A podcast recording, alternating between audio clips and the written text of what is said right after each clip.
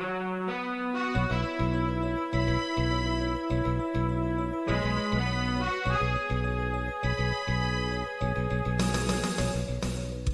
listening to Radio Free Asia. The following program is in Khmer.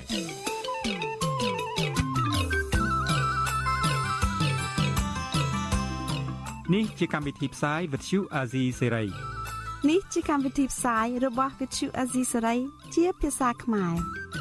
ភាសាខ្មែរ Vuthu Azizi Serai សូមស្វាគមន៍លោកអ្នកនាងទាំងអស់ពីរដ្ឋធានី Washington នៃសហរដ្ឋអាមេរិកបាទផ្សាយផ្ទាល់ពីរដ្ឋធានី Washington សហរដ្ឋអាមេរិកខ្ញុំបាទមេរិតសូមជម្រាបសួរលោកអ្នកនាងកញ្ញាប្រិមត្តអ្នកតាមដានស្ដាប់និងទស្សនា Visual Asia សេរីតាមបណ្ដាញសង្គម Facebook YouTube និង Telegram ជាទីមេត្រី បាទយើងខ្ញុំសូមជូនកម្មវិធីផ្សាយសម្រាប់យប់ថ្ងៃអង្គារ1រោចខែកដិកឆ្នាំថោះ បញ្ញស័កពុទ្ធសករាជ2567ដែលត្រូវនៅថ្ងៃទី28ខែវិច្ឆិកាគ្រិស្តសករាជ2023បាទជាដំបូងនេះសូមអញ្ជើញលោកអ្នកនាងស្ដាប់ព័ត៌មានប្រចាំថ្ងៃដែលមានមេត្តាដូចតទៅ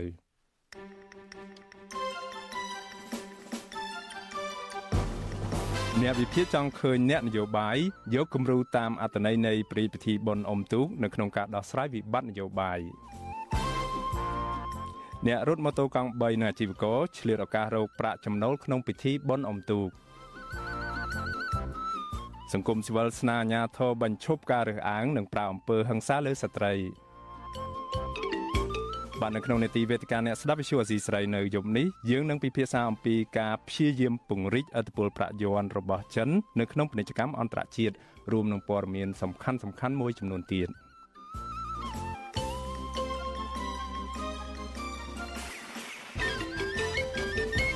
បាទជាបន្តទៅទៀតនេះខ្ញុំបាទមានរិទ្ធសូមជូនព័ត៌មានទាំងនេះពិស្ដាបាទលោកនាងកញ្ញាជាទីមេត្រីអ្នកវិភាគជំរុញទៅអ្នកនយោបាយជាជាពិសេសមន្ត្រីគណៈបកកណ្ដាលអំណាចឲ្យយកគំរូនិងអត្តន័យនៃព្រីពិធីបុណ្យអុំទូកសម្រាប់ដឹកនាំប្រទេសនិងរៀបចំការប្រគួតប្រជែងដណ្ដើមអំណាចដោយយុត្តិធម៌ទូយ៉ាងណាមន្ត្រីបកកណ្ដាលអំណាចឆ្លើយតបថាគណៈបកកណ្ដាលអំណាច មានរបៀបដឹកនាំប្រទេសរបស់ខ្លួនរួចទៅហើយហើយអួតអាងថាប្រទេសកម្ពុជាអាចរៀបចំព្រះរាជពិធីបុណ្យអុំទូកបាននៅពេលនេះព្រោះប្រទេសមានសុខសន្តិភាព បាទពីរដ្ឋធានី Washington លោកសេបណ្ឌិតរាយការណ៍ព័ត៌មាននេះបាទអ្នកវិភាគនយោបាយលើកឡើងថាព្រះរាជពិធីបុណ្យអុំទូកដែលពលរដ្ឋខ្មែរកំពុងអបអរនៅពេលនេះ បានបង្កប់នៅគំរូល្អសំខាន់ពីរយ៉ាង ដល់អ្នកនយោបាយគូអនុវត្តតាម គឺសាមគ្គីជាកម្លាំង មានសាមគ្គីទើបមានជ័យជំនះនិងចំណុចសំខាន់មួយទៀតគឺការប្រកួតដោយយុទ្ធធរហើយចប់ការប្រកួត អ្នកឈ្នះនិងអ្នកចាញ់នៅតែអាចរាប់អានគ្នានិងមិនយកគ្នាធ្វើជាសត្រូវអ្នកវិភាគនយោបាយលោកបណ្ឌិតឡៅម៉ុងហៃលើកឡើងថា អ្នកប្រណាំងទូកប្រឹងប្រែងប្រកួតប្រជែងដើម្បីទទួលជ័យជំនះចំណែកអ្នកនយោបាយក៏ប្រឹងប្រើគំនិតនិងយុទ្ធសាស្ត្រ យកមកប្រកួតប្រជែងដើម្បីឈ្នះការបោះឆ្នោតដឹកនាំប្រទេសដែរលោកបន្តថាការប្រកួតប្រជែងរបស់អ្នកនយោបាយហាក់មិនបានធ្វើឡើងដោយយុត្តិធម៌ដោយការប្រណាំងទូកនោះឡើយ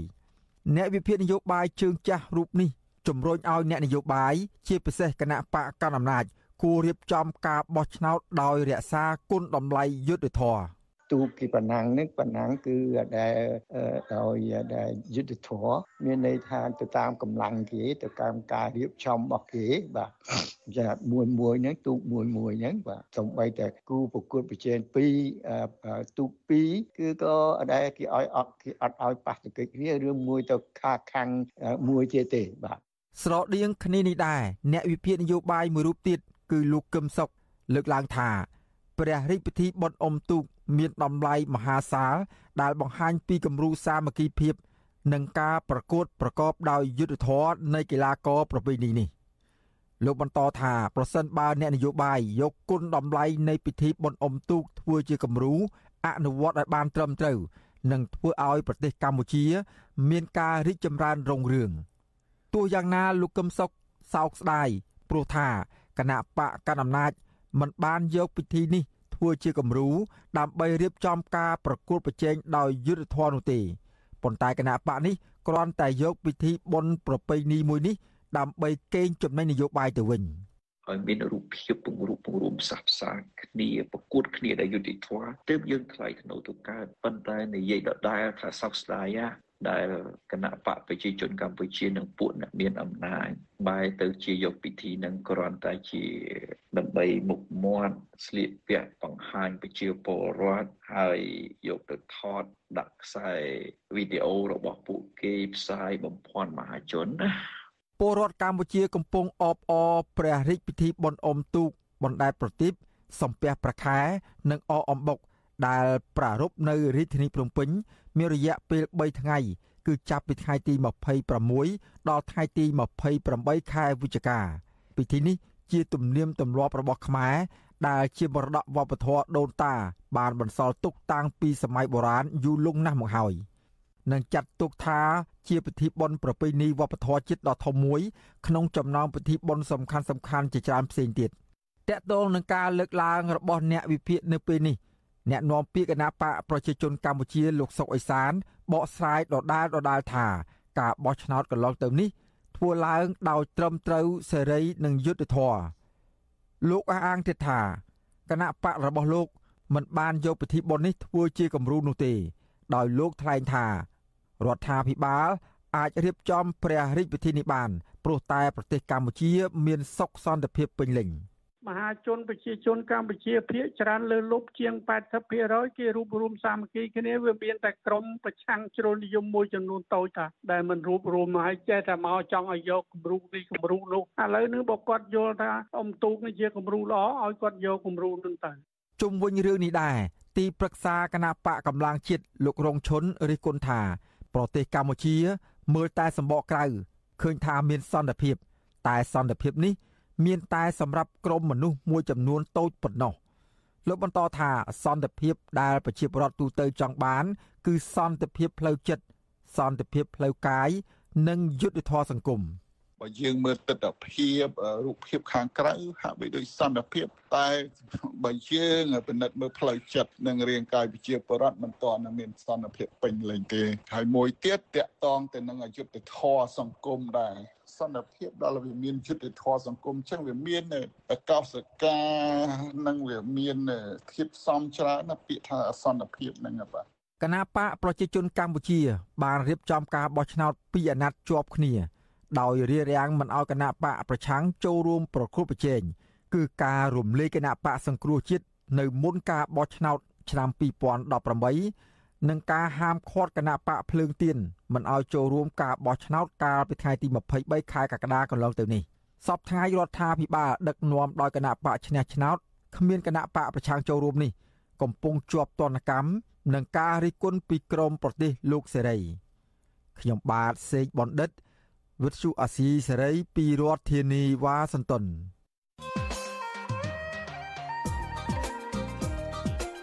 បាទលោកនាងកញ្ញាប្រិមមអ្នកស្ដាប់ជាទីមេត្រី បាទមួយរយៈពេលចុងក្រោយនេះចិនបានព្យាយាមពង្រីកអធិបុលនៃការប្រើប្រាស់ប្រាក់យន់របស់ខ្លួននៅក្នុងការធ្វើពាណិជ្ជកម្មទ្វេភាគីជាមួយបណ្ដាប្រទេសនានានៅលើសកលលោកនៅក្នុងនោះក៏រួមទាំងកម្ពុជាផង បាទតើអ្វីខ្លះដែលប្រិមត្តគួរយល់ដឹងអំពីការព្យាយាមពង្រីកអធិបុលប្រាក់រយ័ន្តរបស់ចិននៅក្នុងពាណិជ្ជកម្មអន្តរជាតិនេះហើយនឹងការប្រើរូបិយប័ណ្ណបរទេសនៅក្នុងការផ្លាស់ប្ដូរពាណិជ្ជកម្មអន្តរជាតិនោះបាទនេះគឺជាប្រធានបទដែលយើងនឹងលើកយកមកពិភាក្សានៅក្នុងនេតិវេទិកាអ្នកស្ដាប់វិទ្យុអស៊ីសេរីនៅយប់នេះហើយប៉ះសិនបើប្រិមត្តចាប់អារម្មណ៍ចង់ចូលរួមដាក់ជា មតិយោបល់ឬក៏បញ្ចេញមតិនៅក្នុងនេតិវេទិកាអ្នកស្ដាប់វិទ្យុអស៊ីសេរីនៅយប់នេះសូមអញ្ជើញប្រិមិត្តដាក់ដាក់លេខទូរស័ព្ទនិងឈ្មោះនៅក្នុងប្រអប់ផ្សាយផ្ទាល់នៃការផ្សាយផ្ទាល់របស់វិទ្យុអស៊ីសេរីនៅលើបណ្ដាញសង្គម Facebook YouTube និង Telegram ហើយក្រុមការងាររបស់យើងនឹងតាក់ទងទៅលោកនាងដើម្បីចូលរួមដាក់ជាសំណួរទៅកាន់វាគ្មិនបាទលោកនាងនឹងបានស្ដាប់នេតិវេទិកាអ្នកស្ដាប់វិទ្យុអស៊ីសេរីនាពេលបន្តិចទៀតនេះបាទ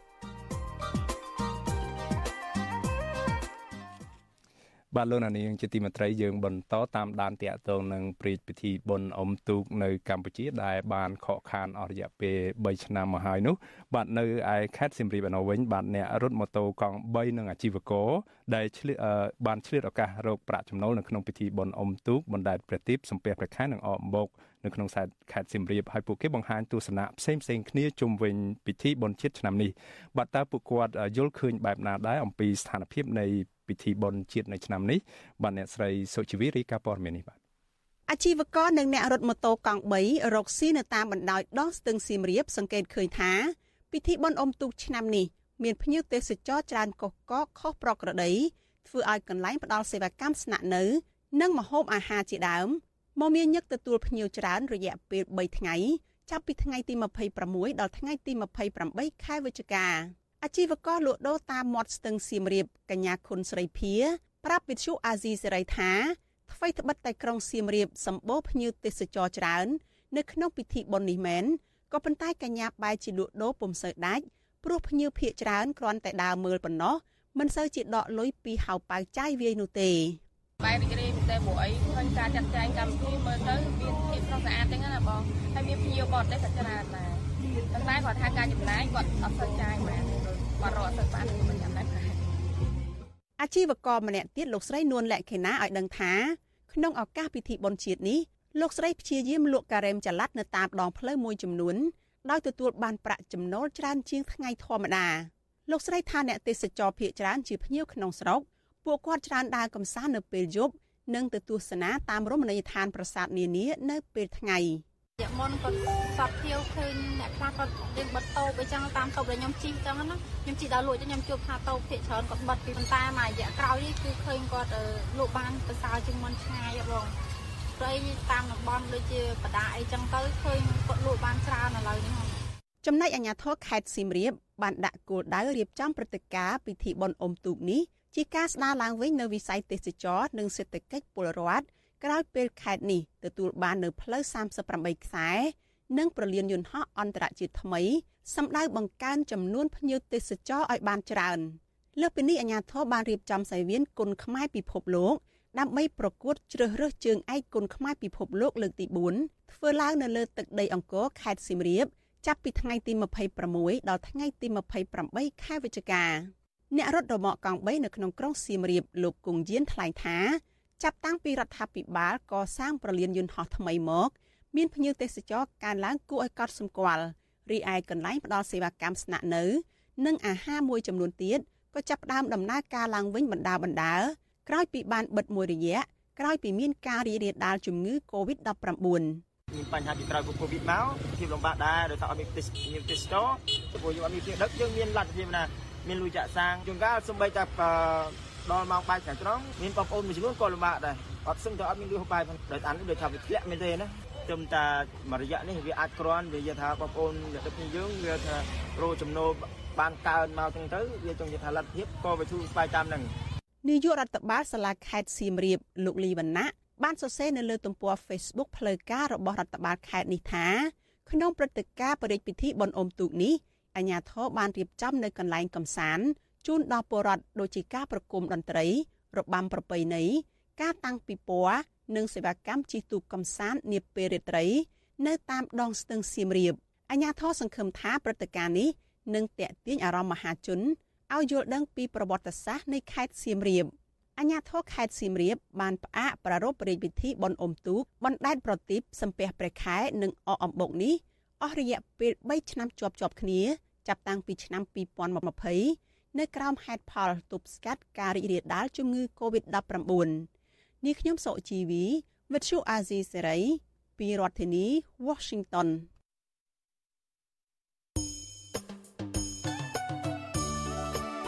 បាទលោកនាងកញ្ញាជាទីមេត្រីលោកនាងកំពុងស្ដាប់ការផ្សាយផ្ទាល់របស់ Visual Asia ស្រីពីរដ្ឋធានី Washington សហរដ្ឋអាមេរិក បាទ Visual Asia ស្រីបានទទួលសំណូមពរពីអ្នកស្ដាប់និងទស្សនារបស់យើងច្រើនណាស់ថាកុំឲ្យដាក់ចំណងជើងផ្ទុយពីខ្លឹមសារនៃព័ត៌មានឧទាហរណ៍ដូចជាដាក់ចំណងជើងថា Vivo ហើយលោកហ៊ុនសែនត្រូវតុលាការព្រហ្មទណ្ឌអន្តរជាតិ ICC យកទៅកាត់ទោសជាដើមក៏ប៉ុន្តែនៅពេលដែលប្រិមត្តចុចស្ដាប់ទៅនឹងគឺមិនលឺនិយាយអំពីរឿងនេះតរសោះនោះបាទយើងខ្ញុំសូមជម្រាបជូនថាការដាក់ចំណងជើងខុសពីខ្លឹមសារទាំងនេះគឺជាការ ឆោបបោកឬក៏បោកប្រាស់ពីសំណាក់ក្រុមអ្នករកស៊ីតាម YouTube ដើម្បីរកលុយតែប៉ុណ្ណោះពួកគេលួចយកខ្លឹមសារនៃការផ្សាយរបស់ Visual Asia ស្រីទៅកាត់តរួចបដូរចំណងជើងតាមរបៀបប្លែកៗហួសហេតុខុសពីការពិតនៅក្នុងគោលបំណងតាក់ទាញចិត្តលោកណានៀងកញ្ញាឲ្យទៅចុចស្ដាប់ឬក៏ទស្សនាដើម្បីបាន view ឬក៏បានអ្នកចូលមើលទស្សនានឹងកាន់តែច្រើនបាទមានអ្នកចុចស្ដាប់កាន់តែច្រើនគឺពួកគេក៏អាចរកប្រាក់បានកាន់តែច្រើនដែរ បាទវិសុវស៊ីស្រីសូមបញ្ជាក់ថាយើងមិនដែលដាក់ចំណងជើងខុសពីខ្លឹមសារនោះទេ ហើយលោកនាងកញ្ញាអាចចូលរួមទប់ស្កាត់ការបោកប្រាស់ទាំងនេះបានដោយឈប់ចុចស្ដាប់ឬទស្សនាការចុះផ្សាយណាដែលមានដាក់ចំណងជើងខុសប្លែកគួរឲ្យសង្ស័យទាំងនោះបាត់ជាពិសេសទៅទៀតដើម្បីស្ដាប់ឬទស្សនាការផ្សាយព័ត៌មានពិតរបស់ Visual Asia ស្រីសូមអញ្ជើញលោកនាងចូលទៅកាន់ Channel នៃការផ្សាយរបស់យើងនៅលើបណ្ដាញសង្គម YouTube តាមរយៈអាស័យដ្ឋាន www.youtube.com/rfa ខ្មែរបាទសូមបញ្ជាក់សារថ្មីគឺ ទំព័រឬក៏ channel ផ្លូវការរបស់ Visual Asia ស្រីនៅលើបណ្ដាញសង្គម YouTube គឺ www.youtube.com/rfa ខ្មែរបាទសូមអរគុណ បាទលោកនាងកញ្ញាជាទីមេត្រីយើងនៅមិនទាន់ទៅណាឆ្ងាយពីព័ត៌មានតកតងនឹងការប្រារព្ធពិធីបុណ្យអុំទូកនេះទេបាទនេះគឺជាព័ត៌មានតកតងទៅនឹងការគ្រោះថ្នាក់ចរាចរណ៍វិញម្ដងបាទមនុស្សយ៉ាងហោចណាស់8នាក់បានបាត់បង់ជីវិតដោយសារតែគ្រោះថ្នាក់ចរាចរណ៍នៅក្នុងពិធីបុណ្យអុំទូកបណ្ដែតប្រទីបសំពះប្រខាននិងអអំបុកនៅក្នុងរយៈពេល2ថ្ងៃគឺចាប់ពីថ្ងៃទី26ដល់ថ្ងៃទី27ខែវិច្ឆិកានេះបាទអគ្គស្នងការដ្ឋាននគរបាលជាតិកាលពីថ្ងៃទី26ខែវិច្ឆិកាការបានផ្សាយរបាយការណ៍គ្រោះថ្នាក់ចរាចរណ៍ផ្លូវគោកនៅទូទាំងប្រទេសថាមានចំនួន8លើក ដែលបណ្ដាលឲ្យមានអ្នករងរបួសសរុបចំនួន9នាក់និងអ្នកបាត់បង់ជីវិតនឹងចំនួន5នាក់បាទតាមប្រភពដដែលដឹងកាលពីថ្ងៃទី27ខែវិច្ឆិកាថាគ្រោះថ្នាក់ចរាចរណ៍ផ្លូវគោកនៅទូទាំងប្រទេសមានចំនួន11លើក ដែលបណ្ដាលឲ្យមានអ្នករងរបួសសរុបចំនួន18នាក់និងអ្នកស្លាប់ចំនួន3នាក់ អាជ្ញាធរអះអាងថាកត្តាដែលបង្កឲ្យមានគ្រោះថ្នាក់ចរាចរណ៍នេះកើតឡើងគឺដោយសារតែការបើកបរល្មើសល្បឿនមិនគ្រប់សិទ្ធិនៃការបើកបរនិងបើកបរក្នុងស្ថានភាពស្រវឹងព្រមទាំងមានកត្តាមួយចំនួនទៀត បាត់គ្រោះថ្នាក់ចរាចរណ៍នៅកម្ពុជាត្រូវបានអ្នកជំនាញសុវត្ថិភាពចរាចរណ៍ចាត់ទុកថាជាជំងឺដ៏រ៉ាំរ៉ៃមួយ ដែលឆក់យកអាយុជីវិតរបស់ប្រជាពលរដ្ឋកម្ពុជាស្ទើរតែរៀងរាល់ថ្ងៃជាពិសេសនៅក្នុងរដូវកាលបុណ្យទានធំធំម្ដងម្ដងបាត់កាលពីខែតុលាកន្លងទៅនៅរយៈពេល3ថ្ងៃចុងក្រោយនៃពិធីបុណ្យភ្ជុំបិណ្ឌចាប់ពីថ្ងៃទី12ដល់ថ្ងៃទី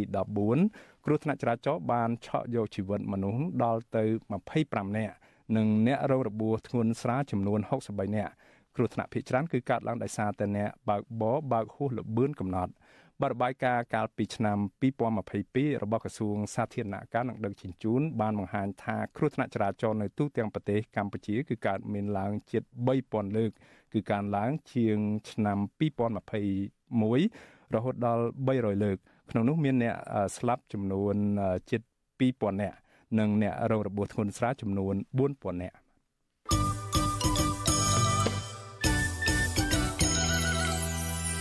បាទលោកនាងជាទីមេត្រីនៅពេលនេះយើងងាកមកស្ដាប់ព័ត៌មានតកតងនឹងរឿងរ៉ាវនយោបាយនៅឯខេត្តបាត់ដំបងឯនោះវិញបាទមន្ត្រីគណៈបកភ្លើងទៀននៅខេត្តនេះអះអាងថាអាជ្ញាធរគណៈបកកាន់អំណាចបានបង្កើនសកម្មភាពនៃការដើរអូសទាញនិងគម្រាមដល់សមាជិកក្រុមប្រឹក្សាឃុំសង្កាត់របស់គណៈបកខ្លួនឲ្យចុះចូលជាមួយគណៈបកប្រជាជនកម្ពុជាក៏ប៉ុន្តែមន្ត្រីគណៈបកកាន់អំណាចច្រានចោលចំពោះការចោទប្រកាន់នេះ បាទពីរដ្ឋធានី Washington លោកទីនសាការីយ៉ារាយការណ៍ព័ត៌មាននេះបាទមន្ត្រីគណៈបកភ្លឹងទៀនចាត់ទុកយុទ្ធសាស្ត្ររបស់អាជ្ញាធរបកកណ្ដាលអំណាចនេះថាជាឧបាយកលទុច្ចរិតដើម្បីចង់ឈ្នះការបោះឆ្នោតប្រសិទ្ធភាពនៅពេលខាងមុខប្រធានប្រតិបត្តិគណៈបកភ្លើងទៀនខេត្តបាត់ដំបងលោកភូសវណ្ណថាប្រាប់វិទ្យុអាស៊ីសេរីនៅថ្ងៃទី28វិច្ឆិកាថាមួយរយៈពេលចុងក្រោយនេះអាញាធរគណៈបកប្រជាជនកម្ពុជាបានបង្កើនការដើរអូសទាញផង និងគម្រាមផង ដើម្បីបង្ខំឲ្យក្រុមប្រឹក្សាឃុំសង្កាត់គណៈបកភ្លើងទៀនចុះចូលជាមួយគណៈបកកណ្ដាលអំណាចលោកអះអាងថាអាញាធរបកកណ្ដាលអំណាចបានប្រាប់ពួកគេថាគណៈបកភ្លើងទៀននឹងត្រូវរំលាយចោលនៅពេលខាងមុខដូច្នេះដើម្បីរក្សាតំណែងនៅដដែលពួកគេត្រូវតែទៅរួមរស់ជាមួយគណៈបកកណ្ដាលអំណាច ហើយការអូសទាញគឺមានលក្ខណៈក្តៅមែនទែនគឺមានគ្រប់រូបភាពគឺប្រើរហូតដល់មេប៉ោះប្រើរហូតដល់មេឃុំចតុកឃុំឯខ្លះប្រើដល់មេតាហ៊ានទៀតរហូតដល់ប្រើឈ្មោះជាទីប្រឹក្សាសម្ដេចដែលចូលហ៊ុនសែនមកអូសទាញទៀតនេះជាទង្វើមួយមិនល្អសម្រាប់គណៈបកដៃគូគួតជេរនៅក្នុងប្រទេសទោះបីជាគណៈបកភ្លើងទៀនមានសកម្មជនមានច្រើនក្តីតែពួកយើងទាំងអស់គ្នានៅរក្សាចំហនិងឆន្ទៈពួកយើងអត់ផ្លាស់ប្ដូរទេ វិទ្យុអាស៊ីសេរីមិនអាចតាក់ទងអភិបាលរងខេត្តបាត់ដំបងលោកសឿមប៊ុនរិទ្ធនិងលោកយឹមសៀបដើម្បីសំសួរជំវិញនឹងការចោទប្រកាន់នេះបានឡើយទេនៅថ្ងៃទី28វិច្ឆិកាប៉ុន្តែអ្នកនាំពាក្យគណៈបកប្រជាជនកម្ពុជាលោកសុកអេសានអះអាងថាគណៈបកកណ្ដាលអំណាចមានអង្គបោះឆ្នោតគ្រប់គ្រាន់ដែលអាចយកឈ្នះការបោះឆ្នោតនៅពេលខាងមុខបានលោកអះអាងថាគណៈបករបស់លោកមិនចាំបាច់ដើរអស់ទាញសកម្មជនគណៈបកដតីឲ្យចោះចូលនោះទេ គាត់អះអាងតែខ្លួនឯងហើយចង់លើកកម្ពស់ខ្លួនឯងថាខ្លួនឯងល្អខ្លួនឯងខ្លាំងអាហ្នឹងវាមានទម្លាប់វប្បធម៌របស់ពលិទានរបស់គណៈបកសង្គ្រោះជាតិតាំងពីមុនមកតាអាហ្នឹងវាអញ្ចឹងវាអត់មានករណីនឹងកើតឡើងទេបើមកដោយស្មោះស្ម័គ្រចាក់ចេញដោយមិនទុកចិត្តមិនដើរតាមគណៈបកខ្លួនហើយមកចូលរួមជាមួយគណៈបកប្រជាជនអាហ្នឹងមានហៅហេតុទោះជាយ៉ាងណាក៏ដោយមន្ត្រីសម្រាប់សម្រួលសមាគមការពារសិទ្ធិមនុស្សអាត់ហុកខេត្តបាត់ដំបងនិងបៃលិនលោកយិនមេងលីមានប្រសាសន៍ថារឿងនេះបើសិនជាអាជ្ញាធរគ្រាន់តែបញ្ចុះបញ្ចូលក្រុមប្រឹក្សាឃុំសង្កាត់គណៈបកភ្លើងទៀនឲ្យចុះចូលជាមួយគណៈបកកាន់អំណាចពុំមានបញ្ហាអ្វីនោះទេប៉ុន្តែលោកបញ្ជាក់ថាបើសិនជាអាជ្ញាធរគម្រិតកំហែងឬបង្ខំឲ្យក្រុមប្រឹក្សាឃុំសង្កាត់ទាំងនោះឲ្យចុះចូលគឺជាអំពើខុសច្បាប់ ព្រោះខ្លួនជាមន្ត្រីនគរបាលថ្នាក់ប៉ុស្តិ៍ថ្នាក់ស្រុកគឺជាមន្ត្រីនគរបាលរបស់ជាតិណាមិនមែនជាអ្នកនយោបាយដោយក្រុមប្រឹក្សាឃុំសង្កាត់ទេអញ្ចឹងអង្គើរបស់មន្ត្រីបើសិនជាមានចូលរួមនៅក្នុងសកម្មភាពនេះគឺជាអង្គើល្មើសច្បាប់ដែលបង្ហាញឲ្យឃើញច្បាស់ថាមន្ត្រីសំបីតែថ្នាក់មូលដ្ឋានក៏ជាគណៈបកនយោបាយហើយអញ្ចឹងវាមានអីជាទីពឹងរបស់គណៈបកផ្សេងទៀតនោះបាទមន្ត្រីគណៈបកប្រឆាំងឲ្យដឹងថាក្រៅពីការដើរអូសទាញសកម្មជនគណៈបករបស់ខ្លួនហើយ អាញាធរមូលដ្ឋានខ្លះក៏មិនព្រមចុះហត្ថលេខាបដូរសមាជិកក្រុមប្រឹក្សាឃុំសង្កាត់ឲ្យគណៈបកភ្លឹងទៀនដែរតែទៅនឹងបញ្ហានេះកាលពីថ្ងៃទី28សីហាមន្ត្រីគណៈបកភ្លឹងទៀនបានដាក់ពាក្យស្នើសុំទៅមេឃុំស្នឹងស្រុកបាណន់ខេត្តបាត់ដំបងដើម្បីបដូរសមាជិកជំទប់ទី2ឃុំស្នឹងប៉ុន្តែរហូតមកទល់ពេលនេះមេឃុំស្នឹងនិងអាជ្ញាធរពាក់ព័ន្ធមិនទាន់ដោះស្រាយបានឡើយទេរីឯមន្ត្រីគណៈបកភ្លឹងទៀននៅខេត្តកណ្ដាល កាលពីថ្ងៃទី1កញ្ញាក៏បានប្តឹងទៅក្រសួងមហាផ្ទៃដើម្បីឲ្យជួយអន្តរាគមន៍ករណីចៅសង្កាត់ស្វាយរលំ ក្រុងតាខ្មៅខេត្តកណ្ដាលដោយមិនព្រមចុះហត្ថលេខាលើឯកសារផ្លាស់ប្តូរសមាជិកចៅសង្កាត់រងទី2ដែរ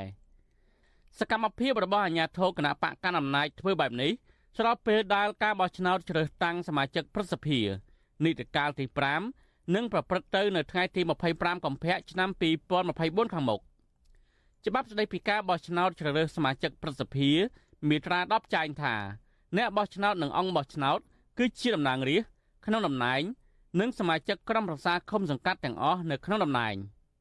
មន្ត្រីសង្គមស៊ីវិលលើកឡើងថាបញ្ហានេះបើសិនជាគណៈបកកណ្ដាលអំណាចអនុវត្តបានដោយជោគជ័យនឹងធ្វើឲ្យប៉ះពាល់ដល់លទ្ធផលការបោះឆ្នោតរបស់គណៈបកភ្លើងទៀននៅពេលខាងមុខខ្ញុំបាទទីនសាការីយ៉ាអសេសេរីប្រធានាធិបតី Washington បាទលោកនាងកញ្ញាជាទីមេត្រីលោកនាងទើបបានស្ដាប់ព័ត៌មានប្រចាំថ្ងៃដែលជម្រាបជូនដល់ខ្ញុំបាទមានរិទ្ធពីរដ្ឋធានី Washington សហរដ្ឋអាមេរិកបាទសូមអញ្ជើញលោកនាងរងចាំស្ដាប់នេតិវេទិកាអ្នកស្ដាប់ Visual Asia សេរីនាពេលបន្តិចទៀតនេះបាទ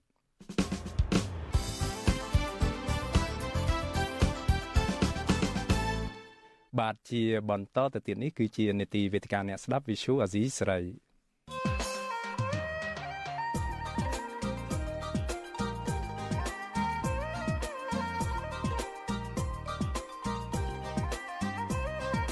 វេទិកាអ្នកស្ដាប់វិទ្យុអាស៊ីសេរី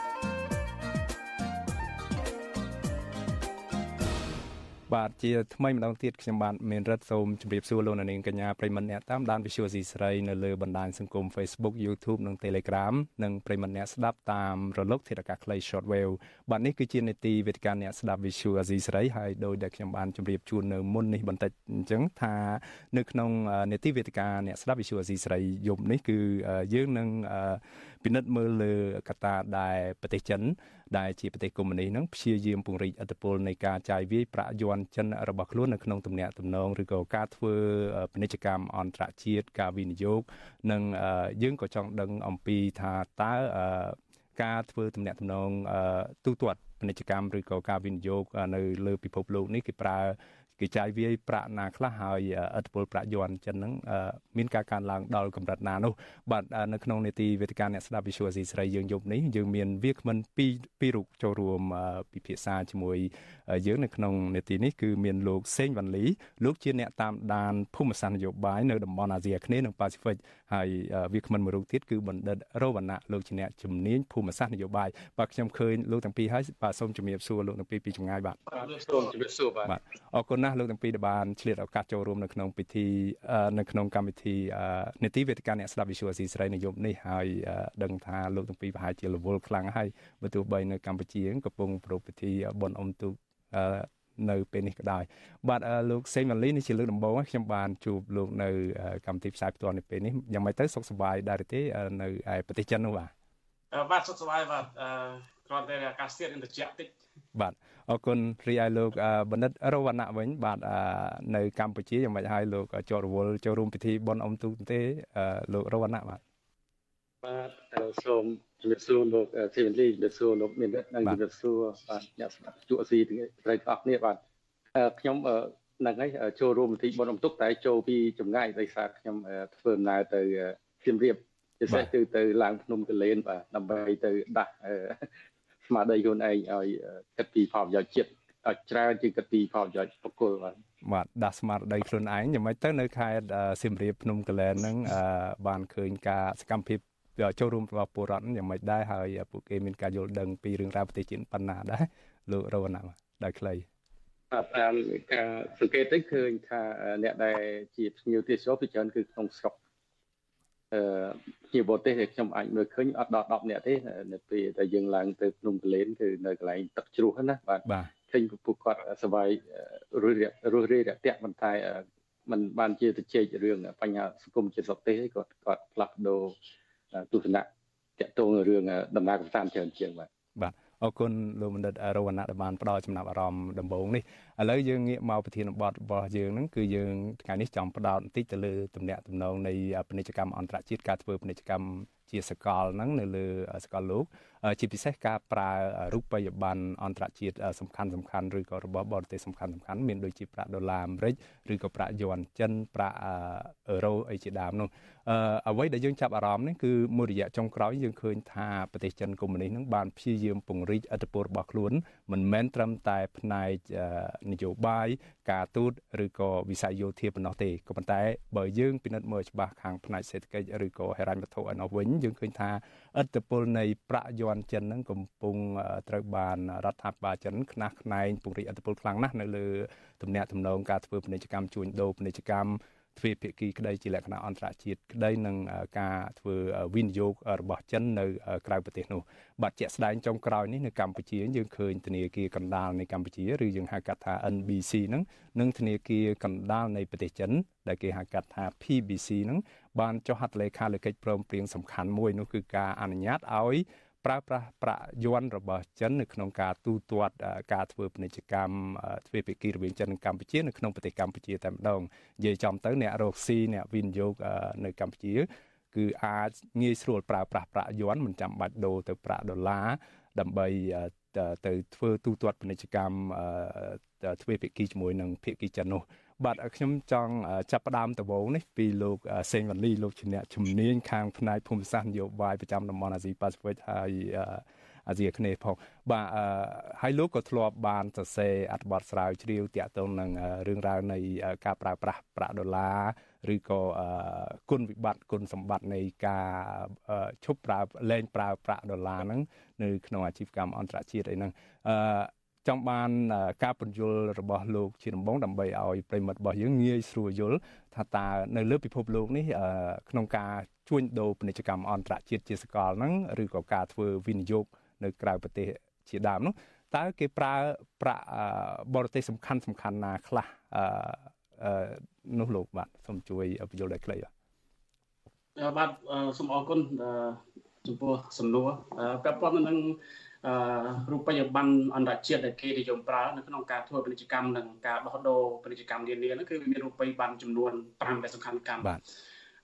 បានគេស្គាល់ជាទូទៅថាជារូបិយប័ណ្ណដ៏សំខាន់បំផុតក្នុងការធ្វើពាណិជ្ជកម្មនិងការវិនិយោគនៅលើសកលលោករួមមានប្រាក់ដុល្លារបាទប្រាក់អឺរ៉ុបប្រាក់យ៉នរបស់ចិនហើយនិងប្រាក់យេនរបស់ជប៉ុនក៏ដូចជាប្រាក់ផោនរបស់អង់គ្លេស ទន្ទឹមនេះក៏មានរូបិយប័ណ្ណផ្សេងទៀតជាច្រើនដែលប្រើប្រាស់ក្នុងការធ្វើពាណិជ្ជកម្មក៏ដូចជាការវិនិយោគចលនាជាតិក្នុងកម្រិតផ្សេងៗគ្នាវាអាស្រ័យលើទំនាក់ទំនងពាណិជ្ជកម្មរវាងប្រទេសនានាដូចជារូពីរបស់ឥណ្ឌាហើយបីបានរៀលរបស់ប្រេស៊ីលហ្នឹងក៏ជារូបិយប័ណ្ណអន្តរជាតិដែលមានការដោះដូរនៅក្នុងការធ្វើពាណិជ្ជកម្មអន្តរជាតិក៏ដូចជាការផ្លាស់ប្ដូរ អត្រាដូរប្រាក់ប៉ុន្តែថាជាទូទៅគឺរូបិយប័ណ្ណសំខាន់ៗហ្នឹងមាន5ដូចរៀបរាប់ខាងលើបាទបាទអរគុណលោកបណ្ឌិតលោកសេម៉ាលីបាទលោកបានរៀបរាប់ថារូបិយប័ណ្ណ5សំខាន់នេះចង់ដឹងថាមូលហេតុអីដែលពលរដ្ឋយើងទូទៅគាត់ឆ្ងល់ពេលដែលយើងដាក់ផ្សាយពាណិជ្ជកម្មប្រូម៉ូនៅលើបណ្ដាញសង្គម Facebook គាត់គ្រាន់តែបញ្ចេញមតិថាជាទូទៅការចាយវាយលុយអ្វីក៏បានដែរឲ្យគាត់មិនចាប់អារម្មណ៍ថា លុយយួនរបស់ចិនឬលុយដុល្លារអាមេរិកអីសំខាន់ឲ្យទៅបានទំនិញឬក៏បានអាការទូទាត់ពាណិជ្ជកម្មផ្លាស់ប្ដូរពាណិជ្ជកម្មបានសម្រេចដោយបំណងរបស់គាត់ប៉ុន្តែអ្វីដែលគាត់ឆ្ងល់ថាហេតុអីទី1បានជាប្រទេសនៅលើពិភពលោកมันអាចប្រើប្រាក់របស់ខ្ញុំចង់និយាយថាប្រទេសកំពុងអភិវឌ្ឍដែលប្រទេសមិនមែនមានរូបិយប័ណ្ណខ្លាំងណាมันអាចប្រើលុយរបស់ខ្លួនទៅទិញអឺ ឬក៏ធ្វើទូទាត់ពាណិជ្ជកម្មជាមួយអន្តរជាតិនោះបាទឧទាហរណ៍ថាចង់ទិញប្រេងពីប្រទេសអារ៉ាប់ឬសោឌីអារ៉ាប៊ីឬក៏ចង់ទិញមាសអីអញ្ចឹងហេតុអីឬក៏ចង់ធ្វើវិនិយោគណាមួយហេតុអីចាំបាច់ដូរប្រាក់របស់ខ្លួនឧទាហរណ៍ដូរប្រាក់រៀលហ្នឹងទៅជាប្រាក់ដុល្លាររបស់អាមេរិកឬក៏ទៅជាប្រាក់អឺរ៉ូអីនោះបាទលោកសេម៉ាលីតាមពិតទៅវាមាននឹងវាជាប្រវត្តិរៀងវែងឆ្ងាយតិចក៏តែថាដោយខ្លីមូលហេតុដែលប្រទេស អឺតូចតូចក៏ដូចជាប្រទេសកំពុងអភិវឌ្ឍដែលអត់សូវមានដែលទំហំពាណិជ្ជកម្មនឹងនៅកម្រិតទាបมันអាចប្រើប្រាស់លុយឬក៏រូបិយប័ណ្ណខ្លួនឯងដើម្បីទៅទិញតំណែងសំខាន់សំខាន់ដើម្បីមកគុតគង់ដល់ការប្រើប្រាស់ក្នុងស្រុកបានដោយសារតែស្ថិរភាពអត្រាដូរប្រាក់របស់ប្រទេសហ្នឹងវាអត់មានស្ថិរភាពហើយមួយទៀតប្រព័ន្ធការគ្រប់គ្រង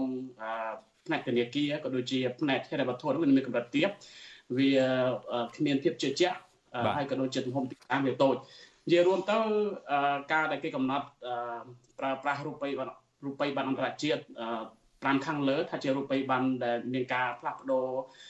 ការនាំចេញនាំចូលទិញចេញឬក៏ទិញចូលឬក៏លក់ចេញផលិតផលរបស់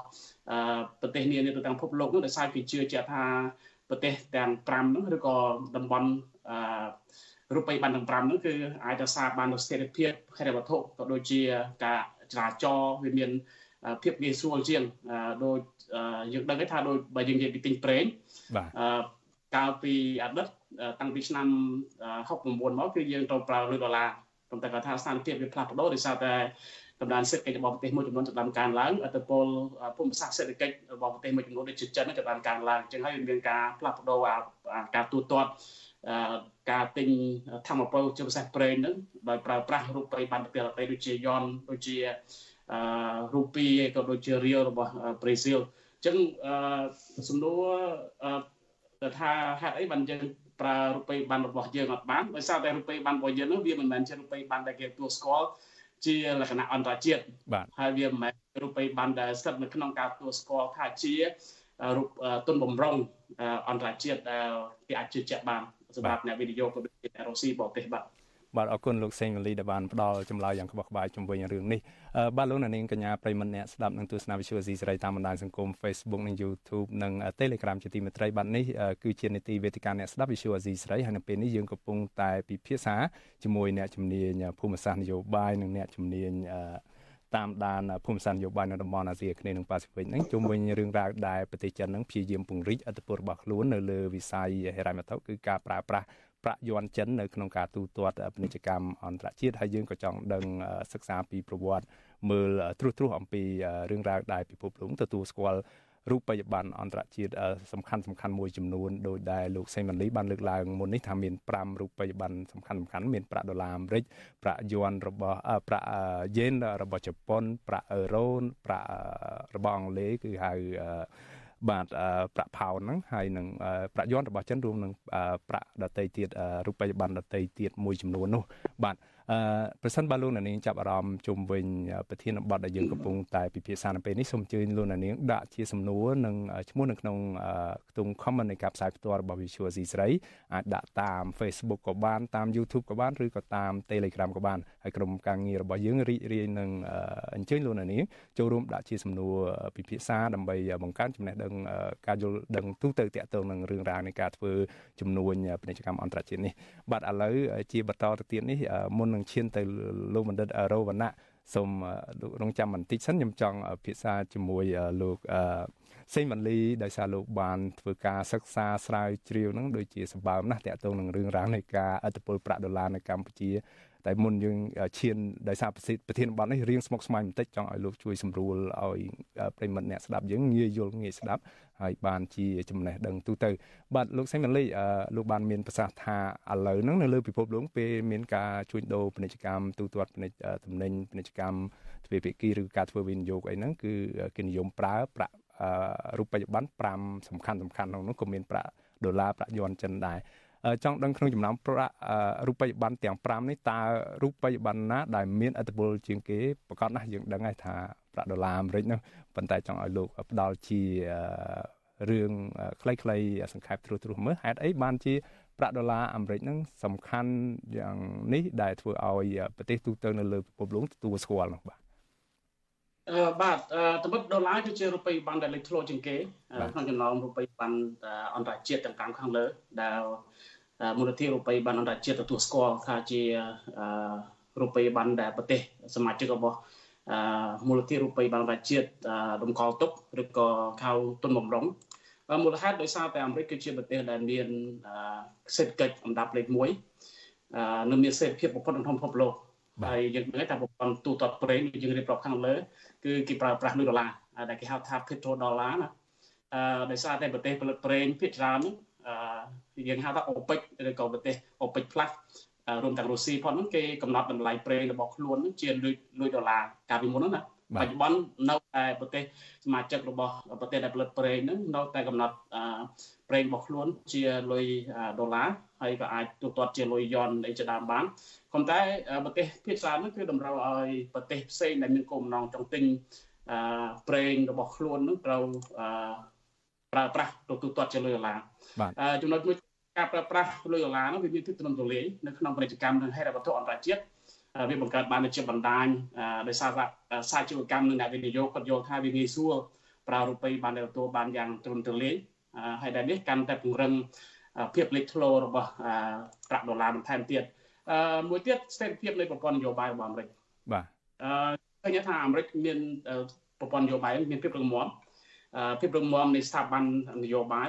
និងទំហំទីផ្សារហិរញ្ញវត្ថុរបស់អាមេរិករួមចំណែកដល់ទំនុកចិត្តពិភពលោកក្នុងការប្រើប្រាស់ប្រាក់ដុល្លារក្នុងការផ្លាស់ប្ដូរតំណែងឬក៏ទិញចូលឬក៏នាំចេញផលិតផលនានា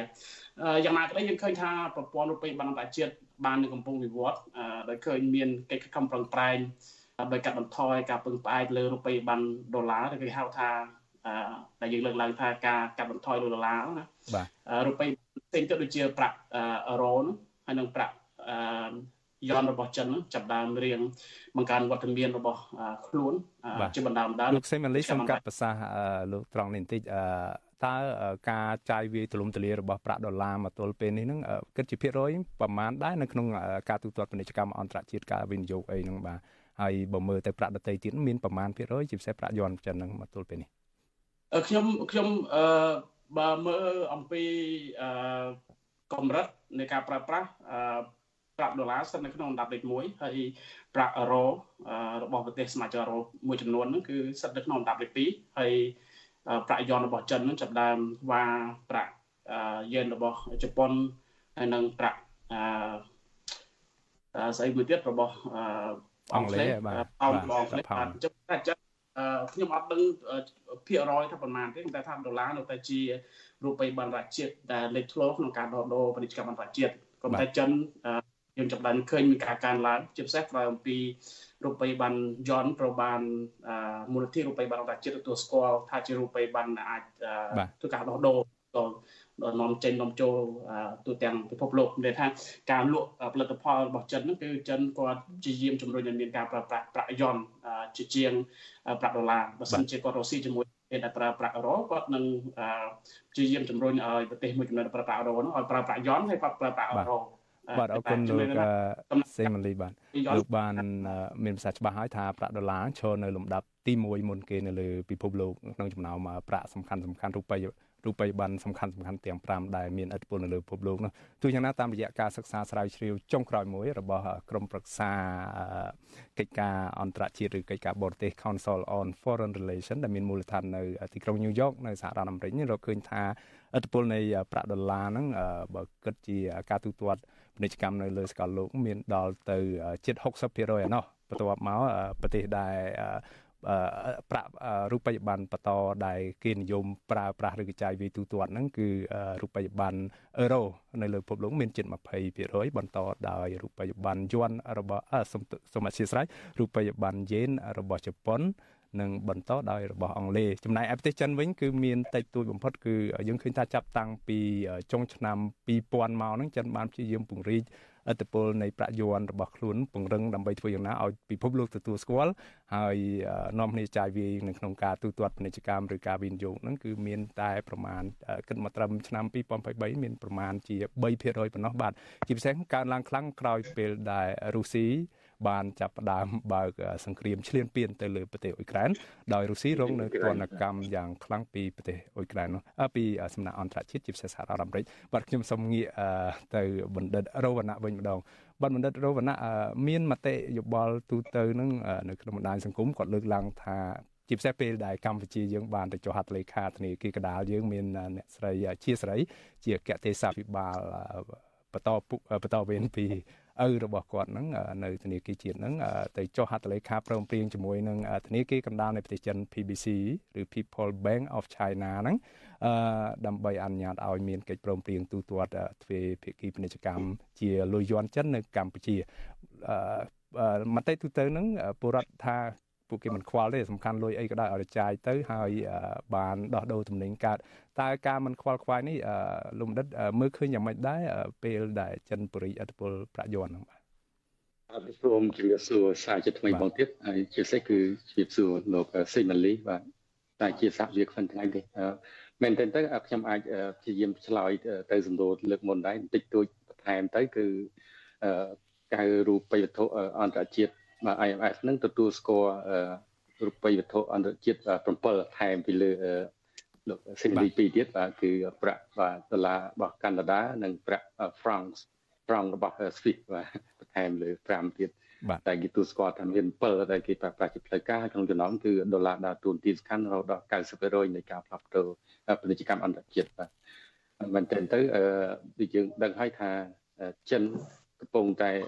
រះឡើង ជាមហាអំណាចមហាអំណាចគ្រប់ភាគកណ្ដាលដើម្បីទៅប្រជែងសម្ដាប់ធ្នាប់ពិភពលោកសេរីជាមួយសហរដ្ឋអាមេរិកហ្នឹងហើយព្យាយាមគ្រប់គ្រងពិភពលោកតាមរយៈសេដ្ឋកិច្ចតាមរយៈភូមិសាស្ត្រសេដ្ឋកិច្ចបាទខ្ញុំលើកឡើងហ្នឹងការបង្កើតសម្ដាប់ធ្នាប់ពិភពលោកហ្នឹងទាមទារនៅសសរស្ដំយ៉ាងហោចណាស់4សសរស្ដំទី1គឺតកតងទៅនឹងគុណតម្លៃនយោបាយឬគឺយ៉ាងហៅថាជំនឿនយោបាយ ចឹងនៅក្នុងគុណតម្លៃឬជំនឿនយោបាយហ្នឹងចិនមិនទាន់មានគេហៅថាទិសដីឥទ្ធិពលណាមួយដែលអាចទទួលយកបានជាសកលដោយគុណតម្លៃជាតិតៃសេរីនិងការគ្រប់សិទ្ធិមនុស្សរបស់លោកខាងលិចទេហើយទី2គឺគេវាស្ថាប័នសន្តិសុខឬស្ថាប័ននយោបាយដែលយើងឃើញមាន UN ហ្នឹងអង្គការសហជាតិហ្នឹងដែលបង្កើតបានជាក្រមប្រសាសន្តិសុខអង្គការសហជាតិមាន5ប្រទេសហ្នឹងហើយតែមានចិនជំនាន់មុនចិនតៃវ៉ាន់ហើយក្រោយមកចិន ពេលកាំងទៅជំនួសហ្នឹងគឺជាយន្តការមួយដែលអាមេរិកកើតឡើងដើម្បីឲ្យមហាអំណាចដទៃទៀតហ្នឹងអាចចូលជ្រកក្រោមដំបូលសន្តិសុខរួមមួយដែលមានអាមេរិកជាស្នូលយ៉ាងទៅហើយសសរស្តម្ភពីរទៀតតែសំខាន់ហ្នឹងគឺសសរស្តម្ភសេដ្ឋកិច្ច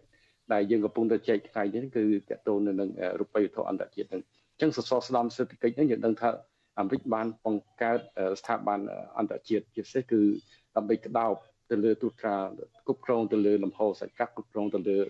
ការធ្វើពាណិជ្ជកម្មអន្តរជាតិនៅក្នុងនោះគឺបង្កើតពីរគឺ IMF គឺបាទ IMF មូលនិធិរូបិយបាទមូលនិធិបាទរូបិយធអន្តរជាតិហ្នឹងដែលដើរតួនាទីសំខាន់ដើម្បីត្រួតពិនិត្យទៅលើចរាចរណ៍សាច់ប្រាក់នៅឆាកអន្តរជាតិហ្នឹងហើយមួយទៀតគឺ World Bank បាទធនាគារពិភពលោកហ្នឹងអញ្ចឹងបាទពីរហ្នឹងគឺជា ហៅថាសសរស្តម្ភសេដ្ឋកិច្ចដែលអាមេរិកបង្កើតឡើងដើម្បីគ្រប់គ្រងពិភពលោកហើយចិនព្យាយាមយកគំរូមួយដែរហ្នឹងដើម្បីមកបង្កើតស្ថាប័នហិរញ្ញវត្ថុដើម្បីគ្រប់គ្រងពិភពលោកហើយដែលយើងដឹងថាយន់ព្យាយាមទៅជំនួសទួនាទីដុល្លារនៅក្នុងការផ្លាស់ប្ដូរពាណិជ្ជកម្មអន្តរជាតិឬក៏រូបិយវត្ថុអន្តរជាតិវាជាតាមគំរូរបស់សហរដ្ឋអាមេរិកនៅក្រោយសង្គ្រាមលោកលើកទី2បាទអញ្ចឹងសូមបញ្ជាក់ថាដុល្លារដើរតួនាទីកន្លឹះសំខាន់បំផុត ក្រោយសង្គ្រាមលោកលើកទី2ដែលពេលដែលអាមេរិកក្លាយជាមហាអំណាចស្នូលមួយក្នុងចំណោមមហាអំណាចពិភពលោក2ដែលមានសូវៀតជាដៃគូវិវាទហ្នឹងអញ្ចឹងឃើញថាដុល្លារដើរតួនាទីតាំងពីកម្មចប់ទៅនៅសង្គ្រាមលោកលើកទី2ហើយចិនលុយយន់ទើបតែដំណើរការក្នុងការប្រជែងជាមួយនឹងសហរដ្ឋអាមេរិកទៅក្នុងដំណាក់កាលថ្មីថ្មីនេះដែរទេហើយយើងឃើញថាមានប្រទេសចំនួន8ហើយដែល9រួមទាំងកម្ពុជាដែល គេហៅថាយល់ស្របឬយល់ព្រមក្នុងការប្រើប្រាស់លុយយន់ដើម្បីផ្លាស់ប្ដូរទៅក្នុងពាណិជ្ជកម្មអន្តរជាតិហើយយើងធ្វើយើងមានមានប្រទេសណាខ្លះទៅលោកបណ្ឌិតរវណៈនៅភូមិផងរបងយើងមានឡាវដែរឬទេ មានឡាវហើយមានថៃឬក៏វៀតណាមឯដែរឬទេបាទបាទច្បាស់មែនទែនគឺមានថៃបាទបាទអញ្ចឹងថៃមានចូលក្នុងនឹងដែរណាបាទអញ្ចឹងយើងមានច្បាស់ពីគេគឺរុស្ស៊ីបាទ ព្រោះរុស្ស៊ីក្រោយដែលយើងលើកឡើងមិញហ្នឹងគឺក្រោយពេលដែលរុស្ស៊ីឈ្លានពានអ៊ុយក្រែនទៅអញ្ចឹងអាមេរិកដែលជាមហាអំណាចពិភពលោកស្នូហើយដែលជាអ្នកក្តោបក្តាប់នៃស្ថាប័នអន្តរជាតិរ៉ាំធុអន្តរជាតិហ្នឹងបានធ្វើការដាក់ទណ្ឌកម្មសេដ្ឋកិច្ចទៅលើបាទសូវៀតសន្ទុះលើរុស្ស៊ីហ្នឹងដែលហេតុអ្វីបានជាអាមេរិកអាចដាក់ទណ្ឌកម្មបានដោយសារតែលំហូរសាច់ប្រាក់នៃដុល្លារហ្នឹងអាមេរិកអាចប្រកបបានអញ្ចឹងបែរអាគុណតម្លៃនៃនៃដុល្លារហ្នឹងធ្វើអាមេរិកមានឱកាសនៅក្នុងការ ដាក់ទណ្ឌកម្មសេដ្ឋកិច្ចទៅលើបណ្ដាប្រទេសទាំងអស់នៅលើពិភពលោកហ្នឹងដែលផ្លាស់ប្ដូរជារូបិយវត្ថុអន្តរជាតិពិសេសគឺដុល្លារហ្នឹងអញ្ចឹងមានរុស្ស៊ីបាទមានសាអូឌីអារ៉ាប៊ីមានអាហ្សង់ទីនបាទមានប្រេស៊ីលមានបង់ក្លាដេសប៉ាគីស្ថានអ៊ីរ៉ាក់ហើយថៃឡែនហើយចុងក្រោយគឺកម្ពុជាយ៉ាងណាថ្មីដែរបាទបាទហ្នឹងហើយអរគុណលោកដិតបាទខ្លំវិញបាទបាទអញ្ជើញបាទចេញលោកបាទអញ្ចឹងត្រឡប់មកសំដៅវិញហ្នឹងហើយសួរថាខ្វល់ខ្វល់បាទអញ្ចឹងឲ្យបានយើងត្រូវដឹងថា កំណើនសេដ្ឋកិច្ចរបស់យើងមានស្ថិរភាពហ្នឹងគឺมันអាចបាក់សែកពីគុណតម្លៃនៃស្ថិរភាពរបស់ប្រាក់ដុល្លារបានទេអញ្ចឹងយើងត្រូវទទួលស្គាល់ការប្រកាសប្រាក់ដុល្លារហ្នឹងมันដើរតួនាទីធ្វើឲ្យមានគេហៅថាស្ថិរភាពនៅក្នុងប្រព័ន្ធអន្តរជាតិព្រោះដើម្បីបង្កើតរក្សាសន្តិភាពពិភពលោកបានវាត្រូវទៀមទាមមហាអំណាចមួយដែលអាចធ្វើឲ្យមាន តែអាចរក្សាសន្តិភាពពិភពលោកបានអញ្ចឹងមហាអំណាចអាចរក្សាសន្តិភាពពិភពលោកបានវាតតែឥទ្ធិពលនៃភូមិសាស្ត្រនយោបាយបាទលោកបណ្ឌិតរវណ្ណៈចង់កាត់ប្រសាសន៍លោកត្រង់នេះថាលោកបានមានប្រសាសន៍ថាចិនហ្នឹងយកគំរូតាមអាមេរិកចង់បង្កើត World Bank ខ្លួនឯងចង់បង្កើត IMF ខ្លួនឯងហ្នឹងហើយយើងឃើញហើយចិនបានបង្កើតធនាគារនៅក្នុងគម្រោងកំណត់ផ្ដួចផ្ដើមខ្សែក្បាត់នឹងផ្លូវ BRI របស់ចិនហ្នឹងបង្កើតធនាគារមួយដែលមានលក្ខណៈស្តៀងគ្នានឹងធនាគារពិភពលោកដើម្បីផ្ដល់ប្រាក់កម្ចីឲ្យទៅប្រទេសទាំងឡាយណាដែលចង់យកទុនទៅវិនិយោគលើហេដ្ឋារចនាសម្ព័ន្ធនៅក្នុងគម្រោង BRI តើអាចទៅរួចទេដែលចិនចង់ធ្វើ World Bank ខ្លួនឯងចង់ធ្វើ IMF ខ្លួនឯងនោះបាទបាទអឺឃើញគម្រោងរបស់អាមេរិកនៅក្នុងការប្រើប្រាស់យុទ្ធសាស្ត្រភូមិសាស្ត្រសេដ្ឋកិច្ចដើម្បីគ្រប់គ្រងពិភពលោកនឹងតាមរយៈផែនការមកសាំងចិនគឺមានមហិច្ឆតាដូចគ្នាដែរដោយសារតែចិនអនុវត្ត20 30ឆ្នាំគាត់ជោគជ័យនៅក្នុងការអនុវត្ត ទិសដីភូមិសាស្ត្រសេដ្ឋកិច្ចដើម្បីធ្វើឲ្យមានទម្ងន់នៅក្នុងនយោបាយអន្តរជាតិហើយមើលឃើញគម្រោងនឹងជោគជ័យគាត់ព្យាយាមជោគជ័យសូមបញ្ជាក់ថាអាមេរិកបង្កើត IMF ហើយ World Bank ក៏ដោយគឺគាត់រក្សាសម្លេងឆ្នោតដែលมันអាចធ្វើឲ្យប្រទេសណាមួយអាចទិញភាគហ៊ុនឬក៏ share ដើម្បីក្តោបក្តាប់អំណាចនៅក្នុងការ challenge ទៅលើគោលនយោបាយ challenge ទៅលើទៅប្រជែងឬក៏កែប្រែអ្វីដែលជាធំកំភួនទៅដល់គោលនយោបាយនៃការប្រែប្រួលនៃសិទ្ធិអំណាចរបស់អាមេរិកទេអញ្ចឹង អាមេរិកបានរក្សាសិទ្ធិនេះហើយចិនដូចគ្នាដែរចិនបង្កើតបាទគម្រោងនៃការអនុវត្ត Belt and Road ឬក៏ BRI ហ្នឹងគេឲ្យមានធនាគារចិនជាចំណុចកណ្ដាលស្នូលហ្នឹងហើយមកយើងដឹងមានអឺ AIIB ហ្នឹងបាទ Asian Investment Bank ធនាគារអភិវឌ្ឍហេដ្ឋារចនាសម្ព័ន្ធអាស៊ីហ្នឹងគឺដើរតួនាទី Snow ដូចគ្នាគឺចិនជាអ្នកក្តោបពាក្យហ៊ុនធំហើយអត់មានប្រទេសទាំងអស់ ទាំងឡាយណាអាចមានសិទ្ធិឬមានអំណាចក្តោបក្តាប់ហៅភិហ៊ុនដើម្បីអាចទៅជជែកប្រជែងជាមួយនឹងចិនបានដូចគ្នាអញ្ចឹងគំរូនេះគឺមើលមើលឃើញដូចគ្នាថាមានមហិច្ឆតាគ្រប់គ្រងពិភពលោកដូចគ្នាហើយប្រើប្រាស់រូបិយវត្ថុហ្នឹងជាឧបករណ៍សេដ្ឋកិច្ចចឹងក្រោយខ្លាយជាឧបករណ៍នយោបាយដើម្បីគ្រប់គ្រង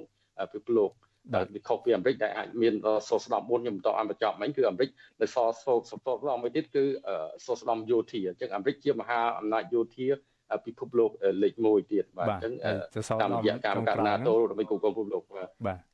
សោស្ដំទី3វិញគឺសោស្ដំសេដ្ឋកិច្ចដែលលើកឡើងពីហេដ្ឋារហេរញ្ញធុសាធារណៈមិនហេរញ្ញធុអន្តរជាតិមិនមាន IMF World Bank ហើយចុងក្រោយគឺការសោស្ដំយោធានឹងឯងបាទអរគុណលោកដើម្បីទៅអីដើម្បីទៅពង្រឹងបាទ បាទអរគុណលោកបណ្ឌិតរវណ្ណៈយើងនឹងបន្តតាមដានរឿងការពង្រីកអធិបុលរបស់ចិនលើវិស័យយោធានឹងតទៅទៀតខ្ញុំចង់ងាកទៅលោកសេងម៉ាន់ឌីវិញម្ដង បាទលោកទាំងពីរតាមពិតបំបញ្ញមិញហ្នឹងបានលើកឡើងពាក្យខ្លីមួយម៉ាត់គឺទុនបំរុងអន្តរជាតិឬយើងហៅថា international reserve នឹងសម្រាប់មិត្តអ្នកស្ដាប់យើងខ្លាំងគាត់មិនយល់ទេស្អីទៅទុនបំរុងអន្តរជាតិហើយយើងចាំបានកាលពីឆ្នាំពាក់កណ្ដាលឆ្នាំ2020 លោកនាយរដ្ឋមន្ត្រីហ៊ុនអតីតនាយករដ្ឋមន្ត្រីហ៊ុនសែននឹងលោកបានអួតអាងប្រាប់ទៅអន្តរជាតិឲ្យថាទុនបំរុងកម្ពុជានឹងនៅលើអន្តរជាតិនឹងគឺមានរហូតដល់ទៅជិត20,000លានដុល្លារអាមេរិកហើយទន្ទឹមនឹងមាន កម្ពុជាក៏បានតម្កល់មាសសុទ្ធនឹងប្រមាណជាង36តោនកន្លះបាទជាមាសសុទ្ធនៅធនាគារ Swiss នៅធនាគារអង់គ្លេសអីជាដើមបាទលោកសេម៉ាន់លីជួយបញ្យល់ដោយខ្លីមើលឲ្យងាយស្រួលស្ដាប់ស្អីទៅទុនបំរុងអន្តរជាតិហេតុអីបានជាប្រទេសមួយមួយចាំបាច់ត្រូវមានទុនបំរុងអន្តរជាតិដោយអ្វីដែលលោកអតីតនាយករដ្ឋមន្ត្រីយើងធ្លាប់អះអាងថាខ្មែរយើងមានដល់ទៅជិត20,000លាននោះបាទ ទុនបំរុងអន្តរជាតិនេះគឺជាប្រភេទទ្រព្យសម្បត្តិរបស់រដ្ឋមួយអឺរក្សាទុកនៅធនាគារកណ្ដាលឬក៏ឬក៏ធនាគារបរទេសឬក៏យើងអាចថាធនាគារណាក៏ដោយឲ្យតែអាចរក្សាទ្រព្យសម្បត្តិនឹងបានហើយផលប្រយោជន៍នៃការរក្សាទុនបំរុងអន្តរជាតិរបស់ប្រទេសនោះគឺតាមពិតវាជាវិធានការការពារសេដ្ឋកិច្ចរបស់ប្រទេសមួយពីហានិភ័យផ្សេងផ្សេង ទុនបំរុងអន្តរជាតិដែលសម្ដៅទៅលើទ្រព្យសម្បត្តិដូចជារូបិយប័ណ្ណអន្តរជាតិយើងមិនមែនតែមានលុយមានមាសទេយើងមានលុយដុល្លារមានលុយយន់មានលុយអឺរ៉ូជាងទៅដើម្បីទិញផលិតផលណាដែលថាប្រទេសនឹងត្រូវការអឺអញ្ចឹងមានន័យថាអានោះវាជាទ្រព្យសម្បត្តិរបស់ប្រទេសមួយដែលគ្រប់គ្រងដោយកដាលឬក៏ដូចគ្នាគៀជាតិរបស់ប្រទេសហ្នឹងឬក៏អាចថាជាអាជ្ញាធរ រូបិយវត្ថុមានហេតុផលជាច្រើនដែលប្រទេសនានាត្រូវមានទុនបំរុងអន្តរជាតិហេតុផលទី1ដើម្បីរក្សាបាននូវស្ថិរភាពអត្រា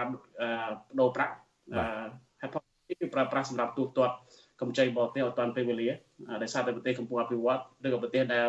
មានគោលនយោបាយឧស្សាហកម្មគឺមានការខ្ចីបំណុលពីបរទេសនឹងច្រើនអញ្ចឹងបើសិនជាមានទុនបំរុងទេវានឹងបាត់បង់ភាពជឿជាក់របស់អ្នកផ្ដល់ប្រាក់កម្ចី ហ្នឹងវាជាហេតុមួយដែលដើម្បីបង្ហាញអំពីសមត្ថភាពនៃការអនុទានរបស់ខ្លួនដែរហេតុផលទី3នេះគឺប្រើប្រាស់សម្រាប់ផ្ដល់ហេរញ្ញប្បទានដល់ការដល់ក្រុមហ៊ុនឬក៏ដល់អ្នកវិនិយោគដើម្បីនាំចូលផលិតផលពីបរទេសនៅពេលដែលប្រទេសមួយប្រជុំនឹងការខ្វះខាតរូបិយប័ណ្ណបរទេសដែលធានាបាននូវដំណើរការដោយរលូននៃពាណិជ្ជកម្មអន្តរជាតិហេតុផលមួយទៀតគឺការប្រើប្រាស់ទុនបំរុងក្នុងអំឡុងពេលមានវិបត្តិហេតុវត្ថុបើសិនជាយើងមានលុយច្រើន បំរុងទុកនៅធនាគារធនាគារកណ្ដាលក៏ដូចជាធនាគារបរទេសយើងយកអាទុនបំរុងដើម្បីមកដោះស្រាយវិបត្តិសេដ្ឋកិច្ចដើម្បីជួយស្ដារទំនុកចិត្តនិងរក្សាស្ថិរភាពសេដ្ឋកិច្ចរបស់ប្រទេសស្ថាប័នពិភពលោកដូចជាមូលនិធិប្រតិបត្តិអន្តរជាតិមិនមិនមែនជាស្ថាប័នដែលកាន់កាប់ទុនបំរុងអន្តរជាតិក្នុងនាមប្រទេសទេបាទគាត់ជាផ្នែកមួយចង់និយាយថាវាមិនមែនទាំងអស់ទេគាត់ថាទុនបំរុងទាំងអស់ហ្នឹងពេលខ្លះមួយចំនួនគឺទុករក្សាទុកនៅធនាគារដាល់ ហើយយ៉ាងណាក្តី IMF នេះគេផ្ដល់ទំនុកចិត្តក៏ដូចជាការគ្រប់គ្រងនិងហេតុអនុទានដល់ប្រទេសសមាជិកដែលប្រឈមនឹងថាបញ្ហាតុល្យភាពនៃការទូទាត់ណាមានថាចំណាយពេកចំណូលវិតិចចឹងហើយវាបង្កើតបានជាបាត់សេដ្ឋកិច្ចអរគុណលោកសេងម៉ាលីបាទ ចំពោះការ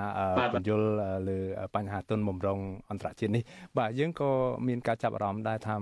ដោយលោកបណ្ឌិតរវណ្ណៈបានលើកឡើងហើយថាចិនព្យាយាមយកគំរូតាមអាមេរិកចង់បង្កើត World Bank ចង់បង្កើត IMF ឲ្យខ្លួនឯងហ្នឹងក៏ប៉ុន្តែ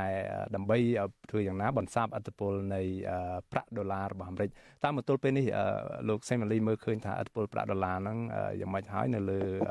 អន្តរជាតិហ្នឹងការចាយវាយទូទៅហ្នឹងតើប្រាក់យន់ហ្នឹង ព្យាយាមពង្រីកអត្តពលដែលបានត្រឹមតែ3%នៅលើពិភពលោកនៃការទូទាត់ទំនិញទ្វេភាគីពាណិជ្ជកម្មឬការធ្វើវិនិយោគតើទៅថ្ងៃមុខទៅយន់អាចមានអត្តពលខ្លាំងក្លាបានប៉ុណ្ណាដែរឬក៏អាចកាត់បន្ថយឬបន្សាបអត្តពលប្រាក់ដុល្លារអាមេរិកបានប៉ុណ្ណាដែរអឺខ្ញុំគិតថាកាត់បន្ថយនេះបានប៉ុន្តែអាចកាត់ផ្ដាច់តែម្ដងនេះអភិបាលហើយកាត់បន្ថយនេះវាអាចទៅការពេលវេលា វាអាស្រ័យទៅលើស្ថានភាពសេដ្ឋកិច្ចនិងភាពជឿទុកចិត្តរបស់អ្នកវិនិយោគក៏ដូចជាប្រទេសនានាក្នុងសកលលោកនោះទៅលើការគ្រប់គ្រងផ្នែកហិរញ្ញវត្ថុរបស់ចិនដែរយើងឃើញថាចិនក៏ព្យាយាមព្យាយាមកាត់បន្ថយការពឹងផ្អែកលើប្រាក់ដុល្លារអាមេរិកនេះយើងយើងដឹងថារយៈពេលមួយឆ្នាំក្រោយៗនេះយើងឃើញថាចិនក៏ខំខំតាមរយៈការធ្វើវិបត្តិកម្មទុនបំរុងប្រាក់របស់ខ្លួនមិនត្រឹមតែទិញដុល្លារទុកទេទៅដើមទិញលុយដុល្លារលុយរូបិយបានបរទេសផ្សេងទៀត ឬក៏ព្យាយាមធ្វើម៉េចជំរុញការធ្វើបដកម្មតំណងពាណិជ្ជកម្មដូចជាដូចជាលោកកម្រិតរឿងវណ្ណៈលើកឡើងរុស្ស៊ីឬចិនថ្មីថ្មីនេះបានបង្កើតការប្រើប្រាស់រូបិយប័ណ្ណជាតិរបស់ពួកគេក្នុងការដោះដូរពាណិជ្ជកម្មទ្វេភាគីណាដើម្បីកាត់ដាច់ថយការពឹងផ្អែកលើប្រាក់ដុល្លារចិននិងអារ៉ាប៊ីសាអូឌីតឬក៏សាឌីអារ៉ាប៊ីនឹងឯកភាពទូទាត់ជាប្រាក់យន់របស់ចិនក្នុងការបញ្ជាទិញប្រេងពីពីអារ៉ាប៊ីសាអូឌីតក៏ដូចជាប្រទេសផ្សេងៗទៀតនៅក្នុងបណ្ដាប្រទេសសមាជិក OPEC OPEC Plus អឺត្រឹមនេះប្រទេសចិនក៏ព្យាយាមជំរុញឲ្យប្រទេសនៅក្នុងក្រុមខាងក្រុមប្រទេស BRICS ណាតែមានប្រេស៊ីលឥណ្ឌាចិនអាហ្វ្រិកកម្ពុជាហ្នឹងបានកំពុងធ្វើការចរចាលើការទូទាត់ដោយប្រើប្រាស់ប្រាក់រូបិយបានក្នុងស្រុករបស់ខ្លួនទាំង5ប្រទេសហ្នឹងក្នុងការដោះដូរពាណិជ្ជកម្មទ្វេភាគីក៏ដូចជាភូភាគីយើងឃើញថាគេព្យាយាមធ្វើម៉េចចិនក៏ដូចជាប្រទេសមួយចំនួនដែលមានកម្រិតដូចនេះចិនហ្នឹង ឬក៏ក្រុមប្រទេសព្រេកនេះជាយាមថ្មិចកាត់បន្ថយឥទ្ធិពលប្រាក់ដុល្លារមិនមែនតែនៅចិនទេដោយសារគេឃើញពីហានិភ័យអឺនៃការដាក់ទណ្ឌកម្មសេដ្ឋកិច្ចពីសហរដ្ឋអាមេរិកដោយលំដិតរមណៈលើកឡើងអញ្ចឹង ដោយសារបើសិនជាយើងទិញលុយដុល្លារតែសង្កាត់ប្រសាសន៍លោកសេម៉ាលីនតិចសូមអធិស្ឋានថាឥទ្ធិពលនៃការប្រើឥទ្ធិពលនៃការប្រើប្រាក់ដុល្លារហ្នឹងទៅដាក់ទណ្ឌកម្មពីសំណាក់សហរដ្ឋអាមេរិកចុះបើប្រទេសតូចតាចដូចកម្ពុជាយើងងាកទៅចិនហើយស្រាប់ទីបំផុតពឹងផ្អែកលើប្រាក់យន់ចិនខ្លាំងពេកទៅចិនមិនប្រើប្រាក់យន់ចិនហ្នឹងធ្វើជាគោលដៅនៃការដាក់ទណ្ឌកម្មដូចគ្នាទេឬយ៉ាងម៉េចដោយខ្លីបាទអឺ បាទជាទូទៅបើសិនជាយើងពឹងផ្អែកទៅលើការប្រើប្រាស់ការទូទាត់ឬក៏ចរាចរប្រាក់យន់នៅក្នុងស្រុកនៅក្នុងកម្ពុជាឬក្នុងការទូទាត់នៅក្នុងស្រុកនោះវាខ្លាំងពេកវាអាចនឹងបង្កហានិភ័យដល់ឯករាជ្យភាពនៃប្រព័ន្ធហិរញ្ញវត្ថុរបស់កម្ពុជាដែរយើងឃើញថាកម្ពុជាក្រោយៗនេះឃើញថាមានការពឹងផ្អែកការនាំចូល ទិញផលិតផលពីចិននឹងច្រើនចឹងហើយបានចិនកម្ពុជាថ្មីជំរុញឲ្យកម្ពុជានឹងទូទាត់ជាលុយយ៉នហើយយើងគិតថាក្រុមហ៊ុនចិនដែលវិនិយោគនៅកម្ពុជាក្រុមហ៊ុនដែលវិនិយោគក្រុមហ៊ុនបរទេសវិនិយោគនៅកម្ពុជាភាគច្រើនគឺមកពីចិនកន្លងមកយើងថាក្រុមហ៊ុនទាំងអស់ហ្នឹងគឺទៅពេលដែលគេទិញផលិតផលមួយចំនួននេះគេត្រូវដូរលុយយ៉នទៅលុយខ្មែរ ឬក៏អាចដូរលុយយ៉នទៅជារូបិយប័ណ្ណអន្តរជាតិផ្សេងទៀតដូចជាដុល្លារដើម្បីទិញផលិតផលមួយចំនួនពីចិនជាដើមប៉ុន្តែកិច្ចព្រមព្រៀងថ្មីថ្មីនេះដោយលោកមានរដ្ឋលើកឡើងការពីថ្មីថ្មីនេះធនាគារជាតិរបស់កម្ពុជាធនាគារដារបស់ចិនជាយើងធ្វើកិច្ចធ្វើធ្វើអនុសាសនៈយកចូល ទៅព្រមព្រៀងដើម្បីធ្វើម៉េចឲ្យលុយយន់ចរាចរណ៍នៅក្នុងការធ្វើធុរកិច្ចនៅកម្ពុជានោះវាជាផលប្រយោជន៍ដល់អ្នកវិនិយោគចិនដែលរស់ស៊ីក្នុងស្រុកខ្មែរច្រើនតែនៅកម្ពុជាខ្លួនឯងក៏បានកំពុងតែខំប្រឹងប្រែងដើម្បីធ្វើអាការចរាចរណ៍លុយរបស់ខ្លួននោះឬក៏ការទូទាត់ជាមួយនឹងប្រទេសជិតខាងដោយមិនចាំបាច់ប្រើលុយដុល្លារដែរអានោះវាជាផ្នែកមួយនៃការកាត់បន្ថយឥទ្ធិពល របស់លុយដុល្លារទៅលើសេដ្ឋកិច្ចរបស់ខ្លួនបាទអរគុណលោកសេម៉ាលីដោយសារពេលវេលាយើងសឹងតែអស់ទៅហើយនៅសល់តែ2នាទីខ្ញុំចង់ផ្ដល់ឱកាសចុងក្រោយទៅលោកបណ្ឌិតរោវណ្ណៈវិញចំណាប់អារម្មណ៍ចុងក្រោយលើបញ្ហាហានិភ័យមួយចំនួនដែលលោកមើលឃើញដោយខ្លីៗថាតើពេលដែលយើងងាកទៅរកប្រាក់យន់ចិនពឹងផ្អែកប្រាក់យន់ចិនប្រទេសតូចតាចដូចកម្ពុជាទទួលផលវិបាកអីខ្លះហ្នឹងបាទសូមដោយខ្លីបំផុត1នាទីបាទបាទសូមអរគុណមែនទែនសម្រាប់ពេលវេលា បន្តិចទៀតនេះគឺយើងដឹងថាកម្ពុជាបាទកាន់តែស្អិតរមួតជាមួយចិនទោះបីក្នុងតម្លៃណាក៏ដោយប៉ុន្តែយ៉ាងណាក៏ដោយដើម្បីធានាឲ្យបាននៅដំណើរការនៃការបដសេដ្ឋកិច្ចហ្នឹងយើងត្រូវមើលថាតើប្រទេសណាជាប្រទេសមហាអំណាចពិភពលោកពិតប្រាកដ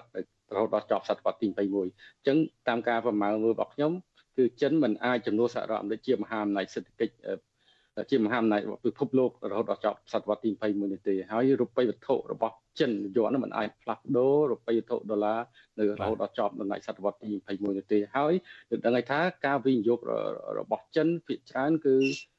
មិនទាន់មានហើយគោលការណ៍អភិបាលកិច្ចល្អអញ្ចឹងនៅពេលទៅខ្វះគោលការណ៍អភិបាលកិច្ចល្អវា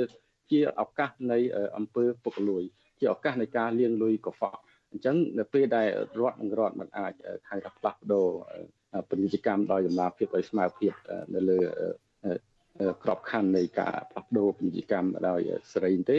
យើងឃើញថាមានបញ្ហាប្រឈមច្រើនទាក់ទងនឹងការគុណលោកបណ្ឌិត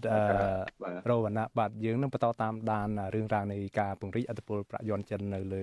អន្តរជាតិជាពិសេសនៅកម្ពុជាយើងជាបន្តទៅទៀតបាទសម្រាប់ពេលនេះខ្ញុំសូមអរគុណលោកទាំងពីរដែលបានចូលរួមនៅក្នុងនេតិវេទិកាអ្នកស្ដាប់វិទ្យុអស៊ីសេរីយើងនៅពេលនេះហើយដោយសារយើងអស់ម៉ោងទៅហើយខ្ញុំបាទសូមជម្រាបលាលោកទាំងពីរហើយសូមជម្រាបលាប្រិមិត្តអ្នកតាមដានទស្សនាស្ដាប់វិទ្យុអស៊ីសេរីបាទសូមជូនពរសុខភាពល្អបាទបាទសម្រាប់ពេលនេះខ្ញុំបានមេរិតសូមអរគុណនិងសូមជម្រាបលា